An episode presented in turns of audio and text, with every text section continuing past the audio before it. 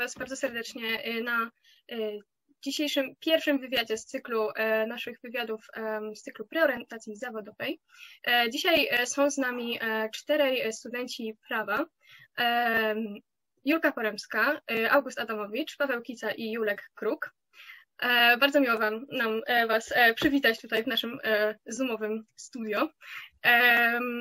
Tak, i dzisiejszym tematem, jak zapewne możecie się y, domyśleć naszej rozmowy, będzie y, studiowanie prawa.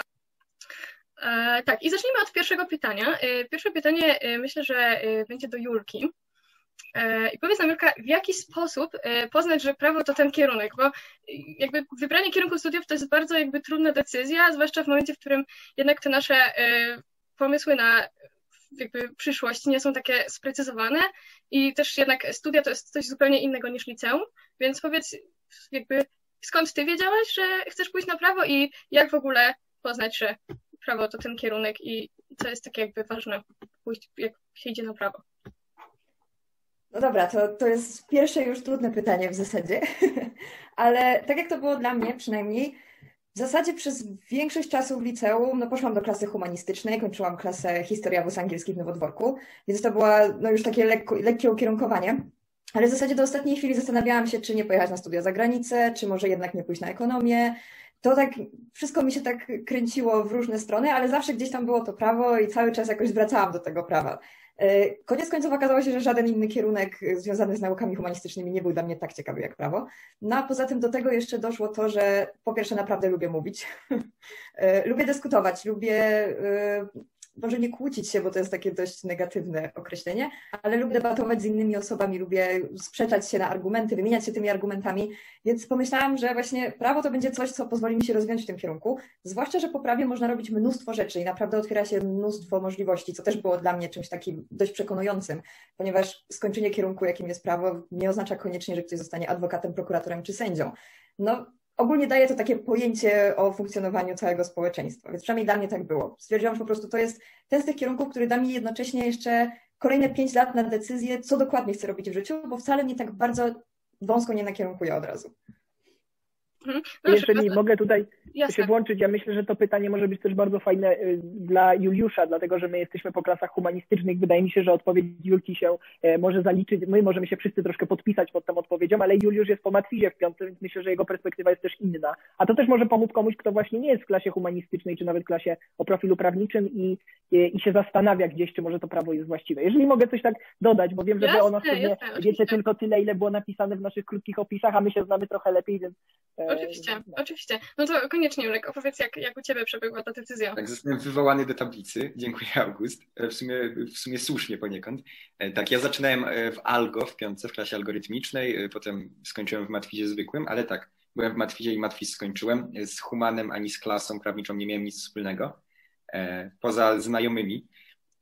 I ostatecznie, no, no moja ścieżka wyglądała tak, że w połowie liceum zdecydowałem się, jako że mnie to interesowało, mm, uczestniczyć w olimpiadzie ekonomicznej, z której udało mi się być laureatem, co dało mi wstęp między innymi na prawo i na inne kierunki społeczne. No i też w związku z tą olimpiadą wiedziałem już od połowy liceum, że, e, że prawdopodobnie chcę pójść w tą stronę. To tak samo jak Julka, nie wiedziałem jeszcze, czy to będzie prawo, czy ekonomia.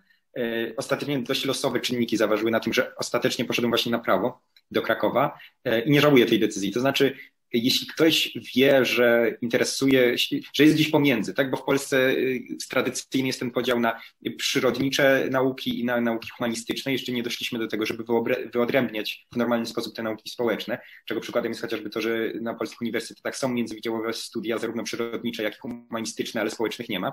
E, ten trzeci filar jest jakby pomijany. No ale jeśli ktoś sam wie, że znajduje się gdzieś pomiędzy i niekoniecznie jest poetą, ale też nie zamierza specjalnie być informatykiem lub, lub matematykiem lub kimkolwiek z tych przedmiotów przyrodniczych, tylko jest pośrodku, interesuje się człowiekiem jako takim, y, naukami ekonomicznymi, politycznymi, społecznymi, to dla mnie prawo było takim kierunkiem, który też tak jak mówiła Julka, potencjalnie wyobrażałem sobie, że jest to kierunek wbrew powszechnej opinii dość szeroko ukierunkowujący. To znaczy y, w tym, że na prawie na UJ też w Krakowie można sobie dobierać jakie się praktycznie chce przedmioty, to sprawia, że możemy pójść w którą chcemy stronę. I po zakończeniu prawa też nie musimy być prawnikami. I poszedłem na prawo właśnie dlatego, że nie wiedziałem, co w tych kierunkach społecznych chcę robić jeszcze, czy chcę być ekonomistą, czy kim, i nie chciałem tego, podejmować tego wyboru od razu, więc poszedłem na prawo, stwierdzając, że po prawie będę miał najwięcej tych możliwości otwartych i rzeczywiście jestem na razie w połowie, tak jak i reszta, ale myślę, że myślę, że właśnie, właśnie to się dokona, to znaczy to moje oczekiwanie y, będzie spełnione i cieszę się z tej decyzji, którą podjąłem.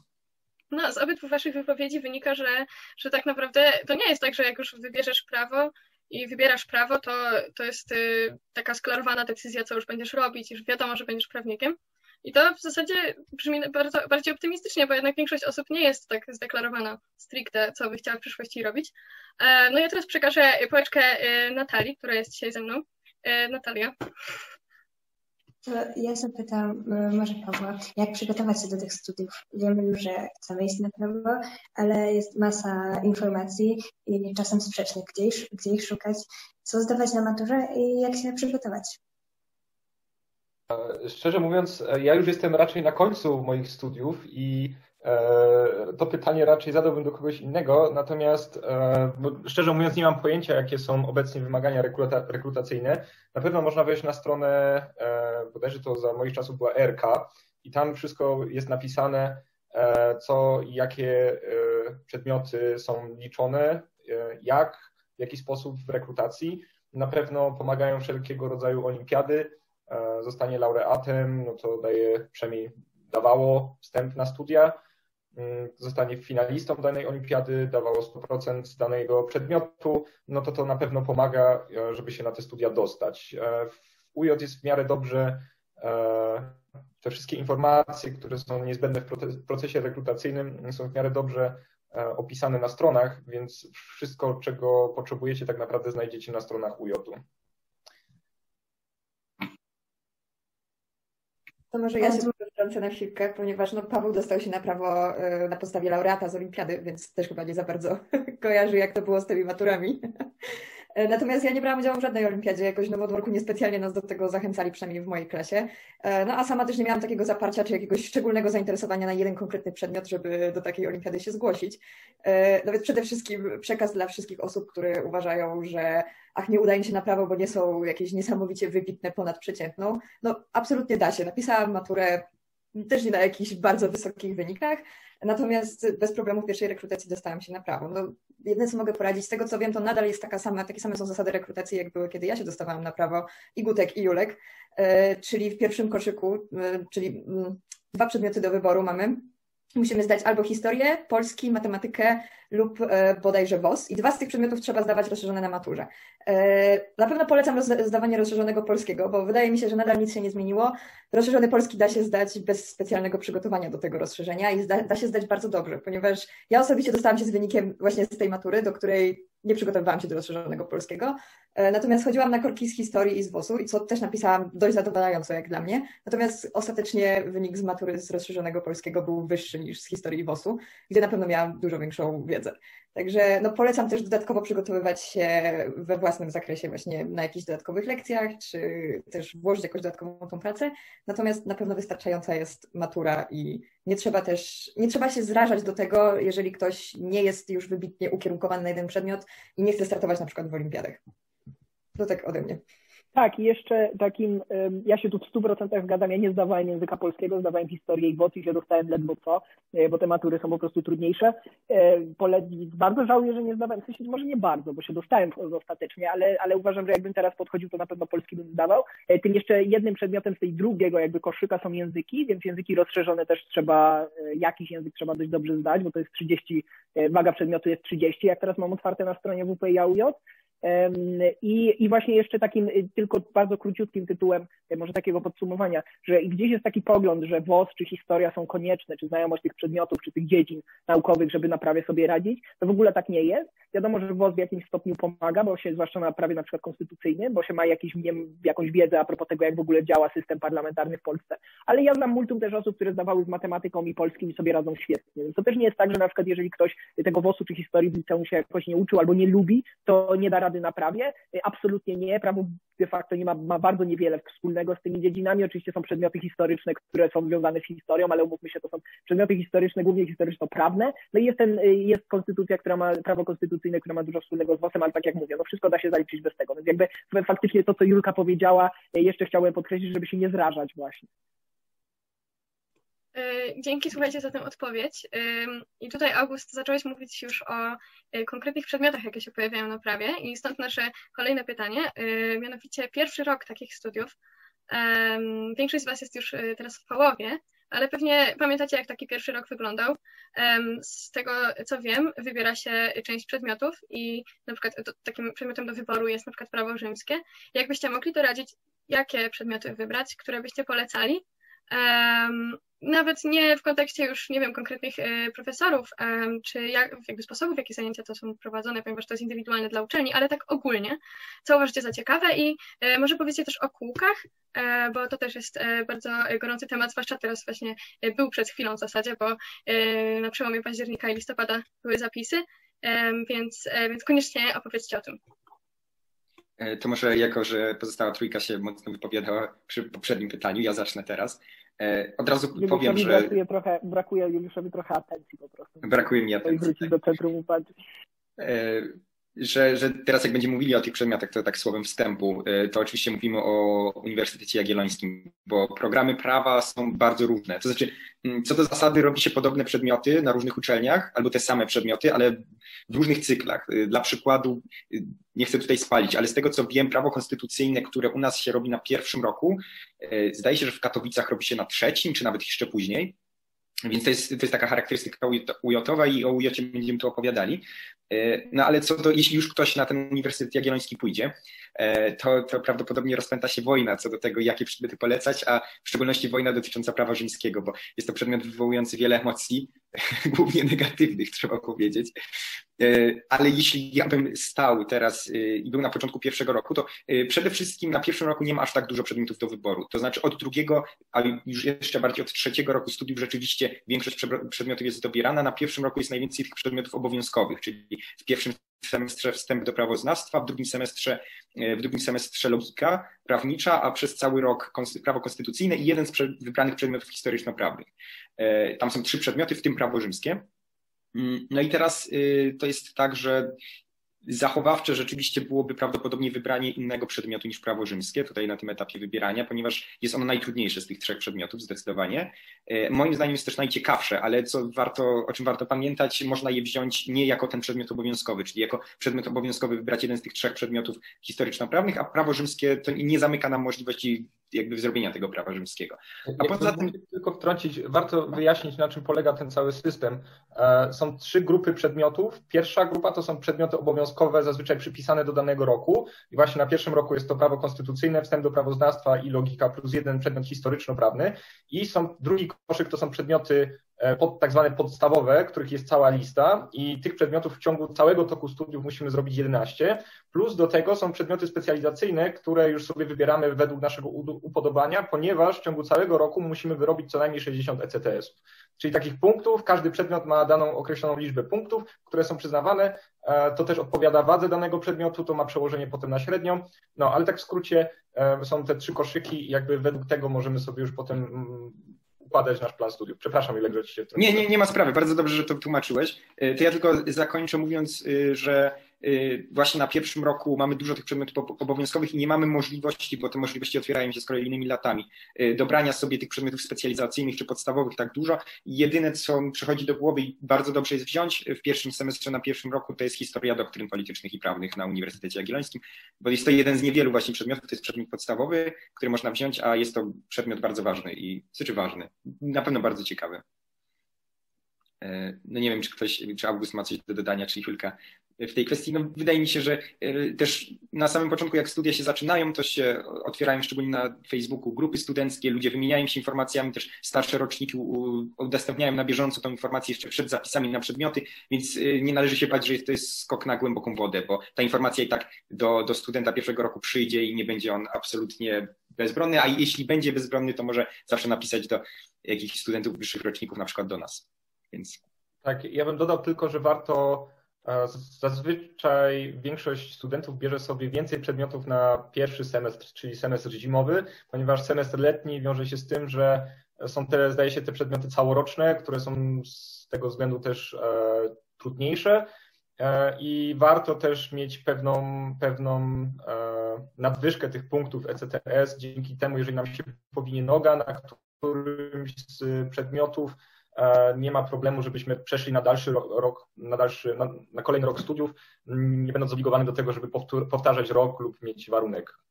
To, to też warto wiedzieć. E, ja osobiście po tych pięciu latach studiów raczej bym e, polecał branie przedmiotów, które uważacie za interesujące. Trochę sugerować się opinią kolegów, jak dany przedmiot jest prowadzony, ale przede wszystkim iść w to, co Was interesuje, a niekoniecznie rzucać się na tak zwane łatwe ECTS-y, czyli proste przedmioty, które no, tylko wypychają te, te punkty i żeby móc po prostu przejść na kolejny rok studiów. To, to tak po tych pięciu latach ja na pierwszym roku rzuciłem się też na te łatwe przedmioty i trochę żałuję, no bo potem już miałem mniej czasu, bo wybierałem już przedmioty, które, e, które już bardziej mnie specjalizowały, czy też mniej, ale no, to taka, taka porada. Tak jeszcze tych przedmiotów, to e, chcielibyśmy zapytać, które były dla Was najciekawsze, a które jednak Was nudziły. Bo takie pewnie też się znalazły. To może ja zacznę, bo ostatnio się, dawno się nie wypowiadałam.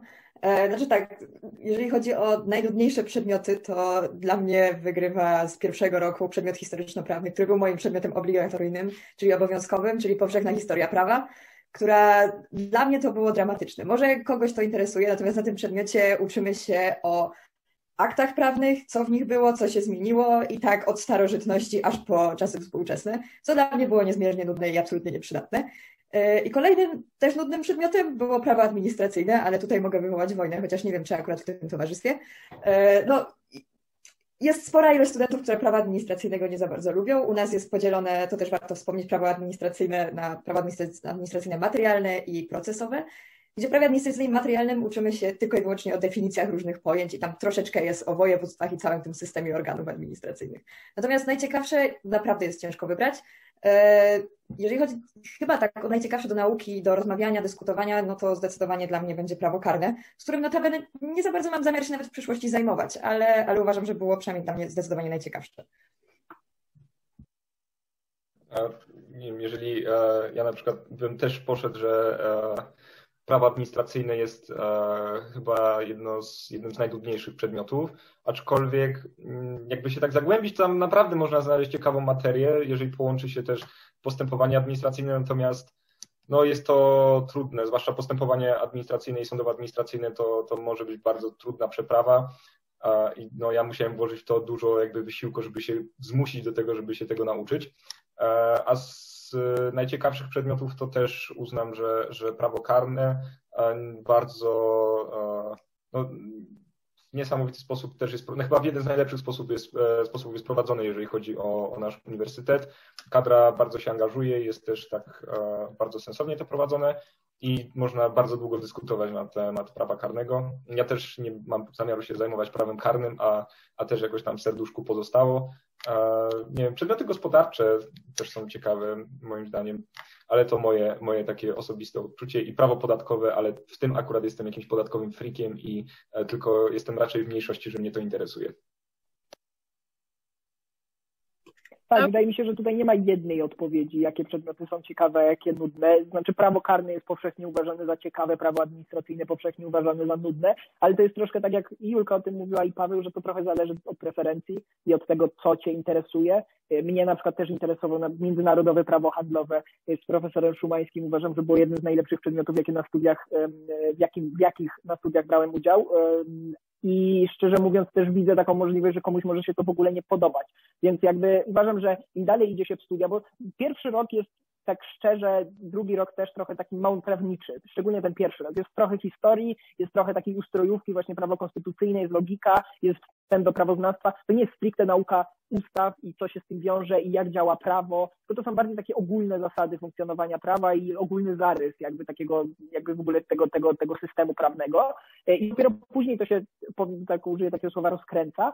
E, i ja uważam, że każdy troszkę, y, czy większość studentów już podczas tych drugiego, trzeciego roku zaczyna sobie zdawać sprawę z tego, co lubi, aczkolwiek wydaje mi się, że najlepszym, najlepszym sposobem na, na, na zdobycie takiej informacji jest po prostu próbowanie różnych przedmiotów. I jak ci się coś nie spodoba, no to wiesz, że czy coś cię nie zainteresuje, to wiesz, że może to nie jest twoja bajka. Ja na przykład tak miałem z kryminologią, nie kryminologia tutaj mnie odbiła, e, też nie chciałbym się tym zajmować w praktyce, bo to straszne rzeczy są bardzo jak samo prawo karne. Prawo karne jest super ciekawe do dyskusji teorii, ale szczerze mówiąc, jakbym miał kogoś bronić, kto zabił żonę młotkiem, to tak nie za bardzo, jakby to nie, nie jest coś, co mnie kręci.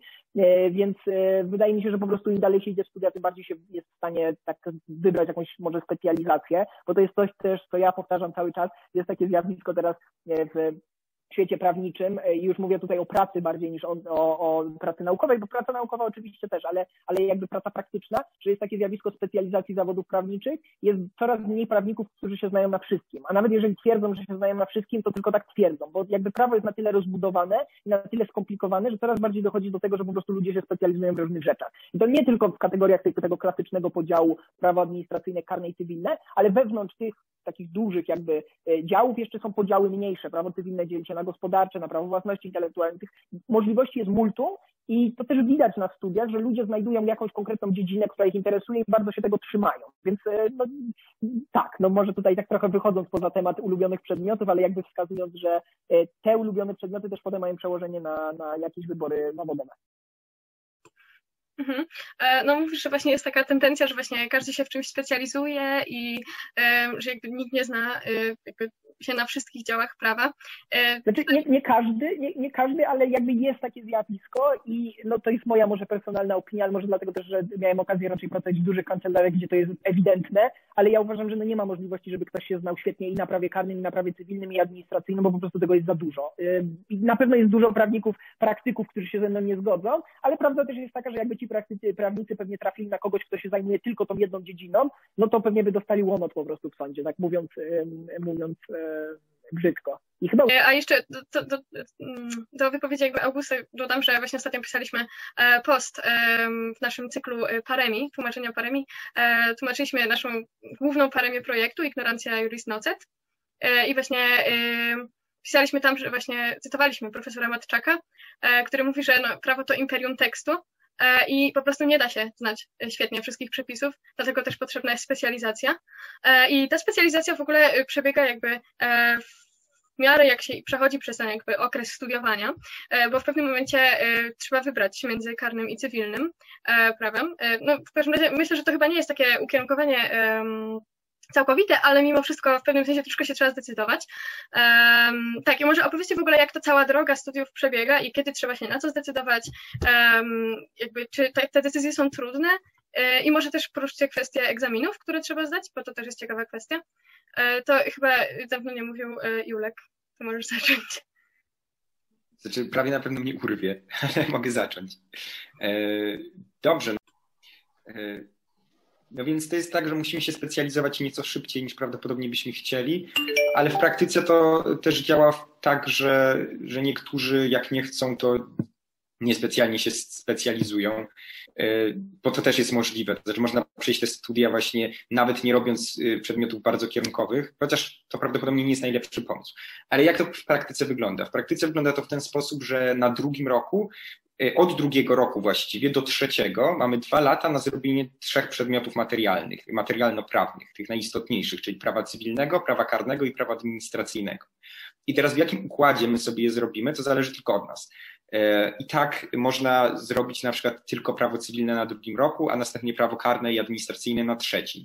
Można zrobić dwa przedmioty na drugim roku, a trzeci na trzecim i to jest najpopularniejsze połączenie. Są też tacy, którzy robią wszystkie trzy na drugim roku. I to też jest możliwe, nie jest to aż tak szalone. Pra praktycznie rzecz biorąc, kosztem tego rozwiązania jest to, że po prostu na tym drugim roku nie dobierzemy sobie żadnych innych przedmiotów specjalizacyjnych czy podstawowych, jakich chcemy, jeśli chcemy dobrze zdać te wszystkie trzy przedmioty materialne. E, ale do czego to prowadzi? Prowadzi to do tego, że w zależności od tego, jakie przedmioty te materialne, obligatoryjne wybierzemy na drugim roku, czy to będzie prawo cywilne z administracyjnym, czy prawo karne e, z administracyjnym, bo to są dwa najpopularniejsze połączenia, e, od tego zależy już na trzecim roku, co będziemy mogli brać dalej, bo jeśli zrobimy jeden z tych przedmiotów materialnych, to on nam otwiera drogę do robienia kolejnych przedmiotów podstawowych i specjalizacyjnych na tej podstawie. Trochę teraz jak o tym myślę, trochę mi się to kojarzy z questami w grach, no ale ja jestem po matwizie. E, ale to jest tak, że na przykład jeśli zrobimy karne na drugim roku, no to już na trzecim roku na przykład będziemy mogli zrobić karne skarbowe. E, jeśli zrobimy cywilne na drugim roku, to na przykład na trzecim możemy już robić prawo gospodarcze i handlowe. Są też takie przedmioty, które na przykład wymagają od nas zdania i prawa cywilnego, i prawa gospodarczego i handlowego i możemy je wtedy zrobić na czwartym roku. I teraz to może się wydawać tak, że no okej, okay, zrobimy coś na drugim roku, ale możemy też to zrobić na trzecim roku. Jeszcze nam zostawią dwa lata studiów. W praktyce to tak nie działa, bo większość moich znajomych, jak ostatnio sobie liczyłem, to prawie wszyscy moi znajomi na prawie zaczęła już na taki, na szeroką skalę praktykować y, w kancelariach y, po trzecim roku. No a już po czwartym to w ogóle, ale po trzecim roku, tak? Czyli na etapie, na którym my jesteśmy teraz. I teraz, jeśli idziemy już do kancelarii na przełomie trzeciego i czwartego roku lub na początku czwartego roku, ma znaczenie, jakie przedmioty do tej pory zrobiliśmy po tych trzech latach. I prawdopodobnie jak zaczynamy już pracować w kancelarii, oczywiście nie wszyscy muszą, niektórzy mogą do końca piątego roku w ogóle nic nie robić, a potem nie iść do żadnej kancelarii, ale, ale tak wygląda to w praktyce. I teraz to, co zrobimy do końca trzeciego roku, ma bardzo duży wpływ, bo jak pójdziemy już do kancelarii z jakimś zestawem umiejętności, które już teraz mamy, no to będziemy je jakoś wykorzystywać i nasz pracodawca też będzie nas skierował do projektów, w których możemy się jakkolwiek przydać i, i ta nasza wiedza w tych danych dziedzinach będzie się jeszcze bardziej pogłębiała. I teraz na moim przykładzie, jeśli ja zrobiłem prawo cywilne na drugim roku, na trzecim roku postępowanie cywilne, bo to jest, każdy z przedmiotów materialnych ma swój odpowiednik procesowy, który jakby dopełnia, robi, robi pełną całość y, czy to prawo administracyjnemu, czy cywilnemu, czy karnemu, no to po trzecim roku ja już byłem w stanie prowadzić, znaczy może nie prowadzić, ale obsługiwać w pełni y, wszystkie sprawy cywilne praktycznie, jakie mi się trafiły, bo miałem zarówno przedmiot materialny, jak i procesowy zrobiony. Y, analogicznie nie do końca byłem w stanie coś robić z prawem karnym, bo dopiero co je zrobiłem na trzecim roku. Nie miałem żadnych przedmiotów dalszych zrobionych, tak jak w przypadku prawa cywilnego. Y, nie miałem y, po prawie cywilnym na trzecim roku zrobiłem już prawo gospodarcze i tak dalej, i tak dalej. Więc chociaż może się wydawać, że ten tok studiów pięcioletnich to jest dużo czasu i zrobimy w tym czasie co tylko będziemy chcieli, to praktyka wygląda tak, że zaczyna się jednak praktyko, zaczyna się już pracować sporo wcześniej i te nasze wybory z tych początkowych faz studiów już nas ukierunkowują dość mocno. Y, myślę, że reszta moich y, kolegów i koleżanka się ze mną zgodzi mimo wszystko, y, bo oni też mają doświadczenie już jakieś zawodowe. Tak, jakby tu jakby uzupełniając właśnie ten drugi rok, to jest takie ta decyzja, kiedy warto po tym pierwszym roku zastanowić się, czy wolę bardziej te przedmioty cywilne, czy jednak mam jakąś zajawkę na łapanie przestępców, bądź też ich bronienie i pójście w stronę prawa karnego, no bo jakby patrząc na moich znajomych, to właśnie w, ci, co poszli w stronę cywilnego na drugim roku, bardziej już później zostają w ramach tego prawa cywilnego bliżej lub dalej, a ci, co poszli w stronę prawa karnego na drugim roku, to bardziej właśnie zajmują się i idą w stronę prawa karnego później. E, czy to, to, czy to już tak od początku było, nie wiem, natomiast myślę, że to też miało jakiś wpływ później na, na ich ścieżkę. To, a to nigdy nie jest zamknięte, zawsze można się zmienić to, ale tak patrząc na tendencję, to właśnie w taki sposób to szło. Y, słuchajcie, y, mówicie, y, mówicie o, o jakby studiowaniu na UJ, mówicie o studiowaniu w Krakowie, ale sami w sumie jesteście jednak y, w większości, albo przynajmniej byliście, na stażach zagranicznych. E, jakie właśnie możliwości otwierają się przed studentami prawa? Y, jakie Erasmusy? Co można w ogóle zrobić na studiach, powiedzmy, dodatkowo? Kto, może August możesz zacząć. Ja jestem teraz obecnie na Erasmusie w Niderlandach, czyli w byłej Holandii, na Uniwersytecie w Groningen. No i tak, no dla, dla studentów prawa przysługuje no, ogromna ilość możliwości, jeśli chodzi o sam, same Erasmusy. Spora osób się, spora liczba osób się na to nie decyduje, na wymiany studenckie, to moim zdaniem jest e, bardzo ograniczające, bo taki Erasmus jest naprawdę kształcący, poza tym bardzo też pomaga w rozwoju znajomości języków obcych, które teraz są, no, żeby robić powiedzmy karierę w dużych kancelariach, no to język angielski jest po prostu konieczny. To nie jest jakby żaden dodatek, to musisz mieć na bardzo wysokim poziomie, żeby w ogóle się w coś takiego bawić i żeby w ogóle pracodawca był zainteresowany. Więc możliwość takiej wymiany jest, jest, jest, jest naprawdę świetna i no niestety dużo osób podchodzi do tego tak, że no a w tym czasie nie mogę się uczyć prawa polskiego, no to to jest strata czasu, bo przecież tu jestem w Polsce, robię prawo polskie. A to nie do końca tak jest, bo po pierwsze na tych uczelniach, ja na przykład w Holandii robię prawo Unii Europejskiej, które tak samo obowiązuje w Polsce jak w Holandii, robię prawo międzynarodowe, które tak samo jest obowiązujące. Można naprawdę uczyć się rzeczy, które także przydadzą się w Polsce, a nawet jeżeli się uczy jakichś e, porządków prawnych zagranicznych, to wciąż to jest bardzo kształcące. I wydaje mi się, że gdzieś to jest gubione właśnie trochę pewnie przez tę tą chęć specjalizacji bardzo wczesną, że jednak no, studia są też po to, żeby poszerzać swoje horyzonty. Więc jak na przykład ja mówię o specjalizacji, to mówię już bardziej o postudiach, o specjalizacji zawodowej. Studia są po to, żeby się uczyć wielu rzeczy, żeby poszerzać swoją jakby, zmieniać, poszerzać swoje spojrzenie na świat, zdobywać inne perspektywy i wymiany na pewno to dają. E, ja też uczestniczyłem po, trze, po drugim roku, w, e, pojechałem na dwa kursy do Nowego Jorku na dwa miesiące. Jeden z tematyki prawa mm, właśnie amerykańskiego, o którym pewnie zaraz powie też e, Julka, bo ona jest absolwentką Szkoły Prawa Amerykańskiego na Fordham Law School i jednego z negocjacji na New York University. I to było zupełnie poza uczelnią. To było coś, co my z moją siostrą bliźniaczką, moją siostrą bliźniaczką, która też studiuje prawo, zdecydowaliśmy się zupełnie jakby niezależnie poza uczelnią, ale ja na przykład uważam, że nasz wyjazd dwumiesięczny, no to był, był y, tak, tak obiektywnie patrząc, bardzo ważny dla mnie, jeśli chodzi o moje dalsze działania na uczelni, na przykład udział w międzynarodowych konkursach, bo wyjazd na dwa miesiące do kraju, gdzie się mówi tylko po angielsku i y, uczenie się wszystkich tych przedmiotów tylko po angielsku daje taki komfort w posługiwaniu się językiem angielskim również w dziedzinie prawa, bo też co innego jest, ktoś może być naprawdę bardzo komfortowo się czuć, jeśli chodzi o, o język angielski taki codzienny, ale język prawniczy też jest bardzo specyficzny i to od razu sobie też y, y, młody student prawa zdaje sprawę na pierwszym roku, jeśli chodzi o język polski, że jak się czyta ustawy, no to to wcale nie jest takie hopsiu, wcale takie nie jest proste, jak się czyta te wszystkie wyroki sądów. Język prawniczy jest specyficzny, również język angielski prawniczy jest specyficzny i trzeba się z nim, moim zdaniem, żeby się czuć dobrze po studiach, no to najlepiej jest się z nim obyć być już, już w trakcie studiów. Ja tylko dodam tutaj szybko po Augustie, bo powiedział o, o języku, e, a to jest coś, o czym nie miałem pojęcia, to znaczy, bo to, tą wiedzę zdobywa się w czasie studiów, e, ale żeby, żeby też ograniczyć szok, jeśli ktoś, e, ktoś ma jeszcze taką możliwość, to może już teraz zacząć o tym myśleć. W praktyce zawodu prawnika jeśli ktoś będzie zajmował się prawem międzynarodowym, czy prawem Unii Europejskiej, ale tutaj już coraz mniej, owszem, to język angielski jest absolutną podstawą. E, co do tego nie ma wątpliwości, ale to też nie ma wątpliwości co do tego, jeśli ktoś w ogóle zamierza robić cokolwiek, gdziekolwiek.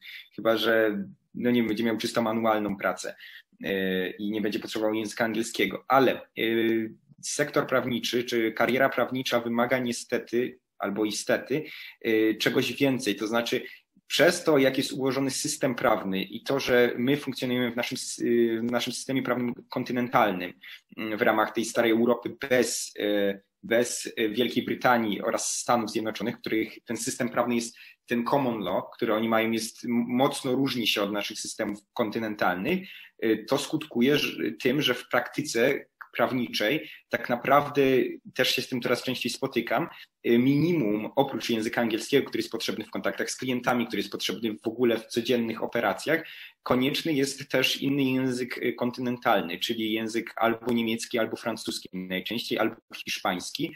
Y, szczególnie, że też język niemiecki i francuski są też językami Unii Europejskiej, a jako, że jesteśmy już po Brexicie, to też coraz częściej pojawiają się takie, y, takie wiadomości, że oczywiście język angielski jest lingua franca i nie stanie się tak, że akty prawa Unii Europejskiej czy, czy komunikaty Unii Europejskiej nagle przestaną być po angielsku, ale w praktyce ten angielski zaczyna zajmować coraz bardziej drugie miejsce w ramach, w ramach tego systemu. Po prostu Anglików już, już w naszej wspólnocie nie ma, więc te języki dominujące już wcześniej, francuski i niemiecki, są teraz dominujące coraz bardziej, więc warto też zwrócić uwagę na te języki. Ja, ja tak chciałbym wrócić trochę do tematu Erasmusa i tych wszystkich wymian, bo od tego się zaczęło. E, na Uniwersytecie Jagiellońskim jest mnóstwo wymian, nie tylko Erasmus, ale też różne inne, dające możliwości zwiedzenia całego świata, jeżeli tylko się chce.